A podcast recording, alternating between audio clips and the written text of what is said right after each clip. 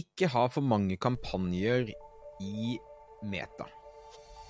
Stadig flere små bedrifter i Norge oppdager at med riktig markedsføring kan man utfordre de store, tradisjonelle bedriftene.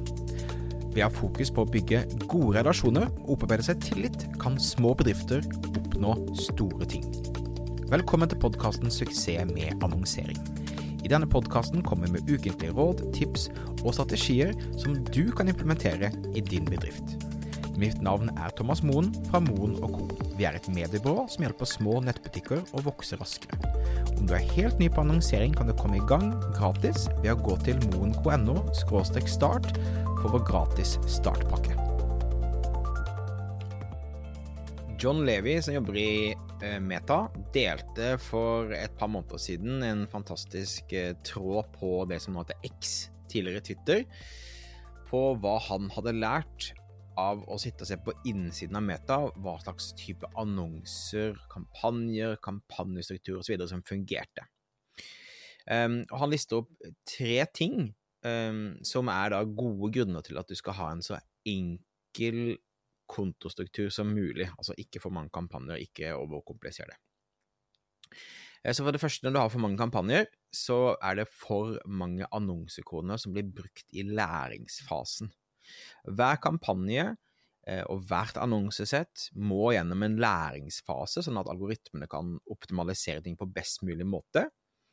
Og hvis du har mange kampanjer, mange annonsesett og gjør endringer hele tiden, så eh, vil det påvirke læringsfasen på alle disse, og da vil du bruke veldig mye penger som eh, du kunne unngått å bruke uten å få gode resultater, når kampanjene er i en læringsfase. Også husk det at um, når du gjør mange endringer på en, på en, annonsekonto, så husk å gjøre alle endringene samtidig før du laster opp, istedenfor å laste opp hele tiden, for da starter vi igjen og igjen og igjen eh, på denne læringsfasen. Nummer to er at for mange like kampanjer og annonsesett i samme konto vil konkurrere mot hverandre, sånn at det blir det vi kaller overlapp i auksjonen. Det vil si at hvis det er to, tre eller flere annonser som ønsker å nå akkurat den samme målgruppen, så vil systemet hele tiden prøve å finne ut av hva slags annonser som har høyest sjanse for å konvertere.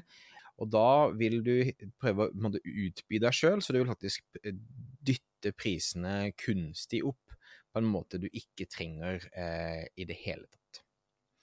Eh, og poeng nummer tre, viktig informasjon kan gå tapt i et større system. Det vil si at hvis det blir for avansert, for komplisert, så er det vanskeligere å se gode trender. Jo enklere kontostruktur du har, jo lettere kan du få et totalt overblikk av hvordan ting gjøres, hvordan ting leveres, hva som funker bra, hva som fungerer dårlig. Han Levi forteller også at Meta anbefaler å sikte mot seks eller mindre annonser per annonsesett for å maksimere sjansen for at annonsene blir levert. Det er jo det stikk motsatte av hva som anbefales i f.eks. Advantage pluss shoppingkampanjene i Meta.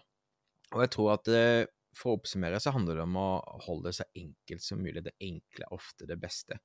Det som jeg synes passer veldig bra inn her, er jo at uh, dette er også den måten vi har kjørt våre standardoppsett på Meta i de siste fem årene. Selvfølgelig litt småtwix her og der, men en veldig forenkla måte å jobbe på som vi ser fungerer veldig bra. Vi tester ofte alle disse amerikanske guruene sine forslag med det ene og det andre. Vi ender alltid opp med at det enkle er det beste, i hvert fall her i, i norsk sammenheng. Jeg har også en egen podkastepisode der jeg går i dybden på hvordan vi setter opp våre standardkampanjer, så jeg linker til det i shownotes hvis du har lyst til å lære mer om det. Tusen takk for at du lyttet på. Eh, husk å abonnere i podkastappen din for å få med deg framtidige episoder. Linker for bonuser, relevante eh, ting ligger i shownotes. Mitt navn er Thomas Moen, og vi høres igjen neste uke for en ny episode av Suksess med annonsering. Ha det.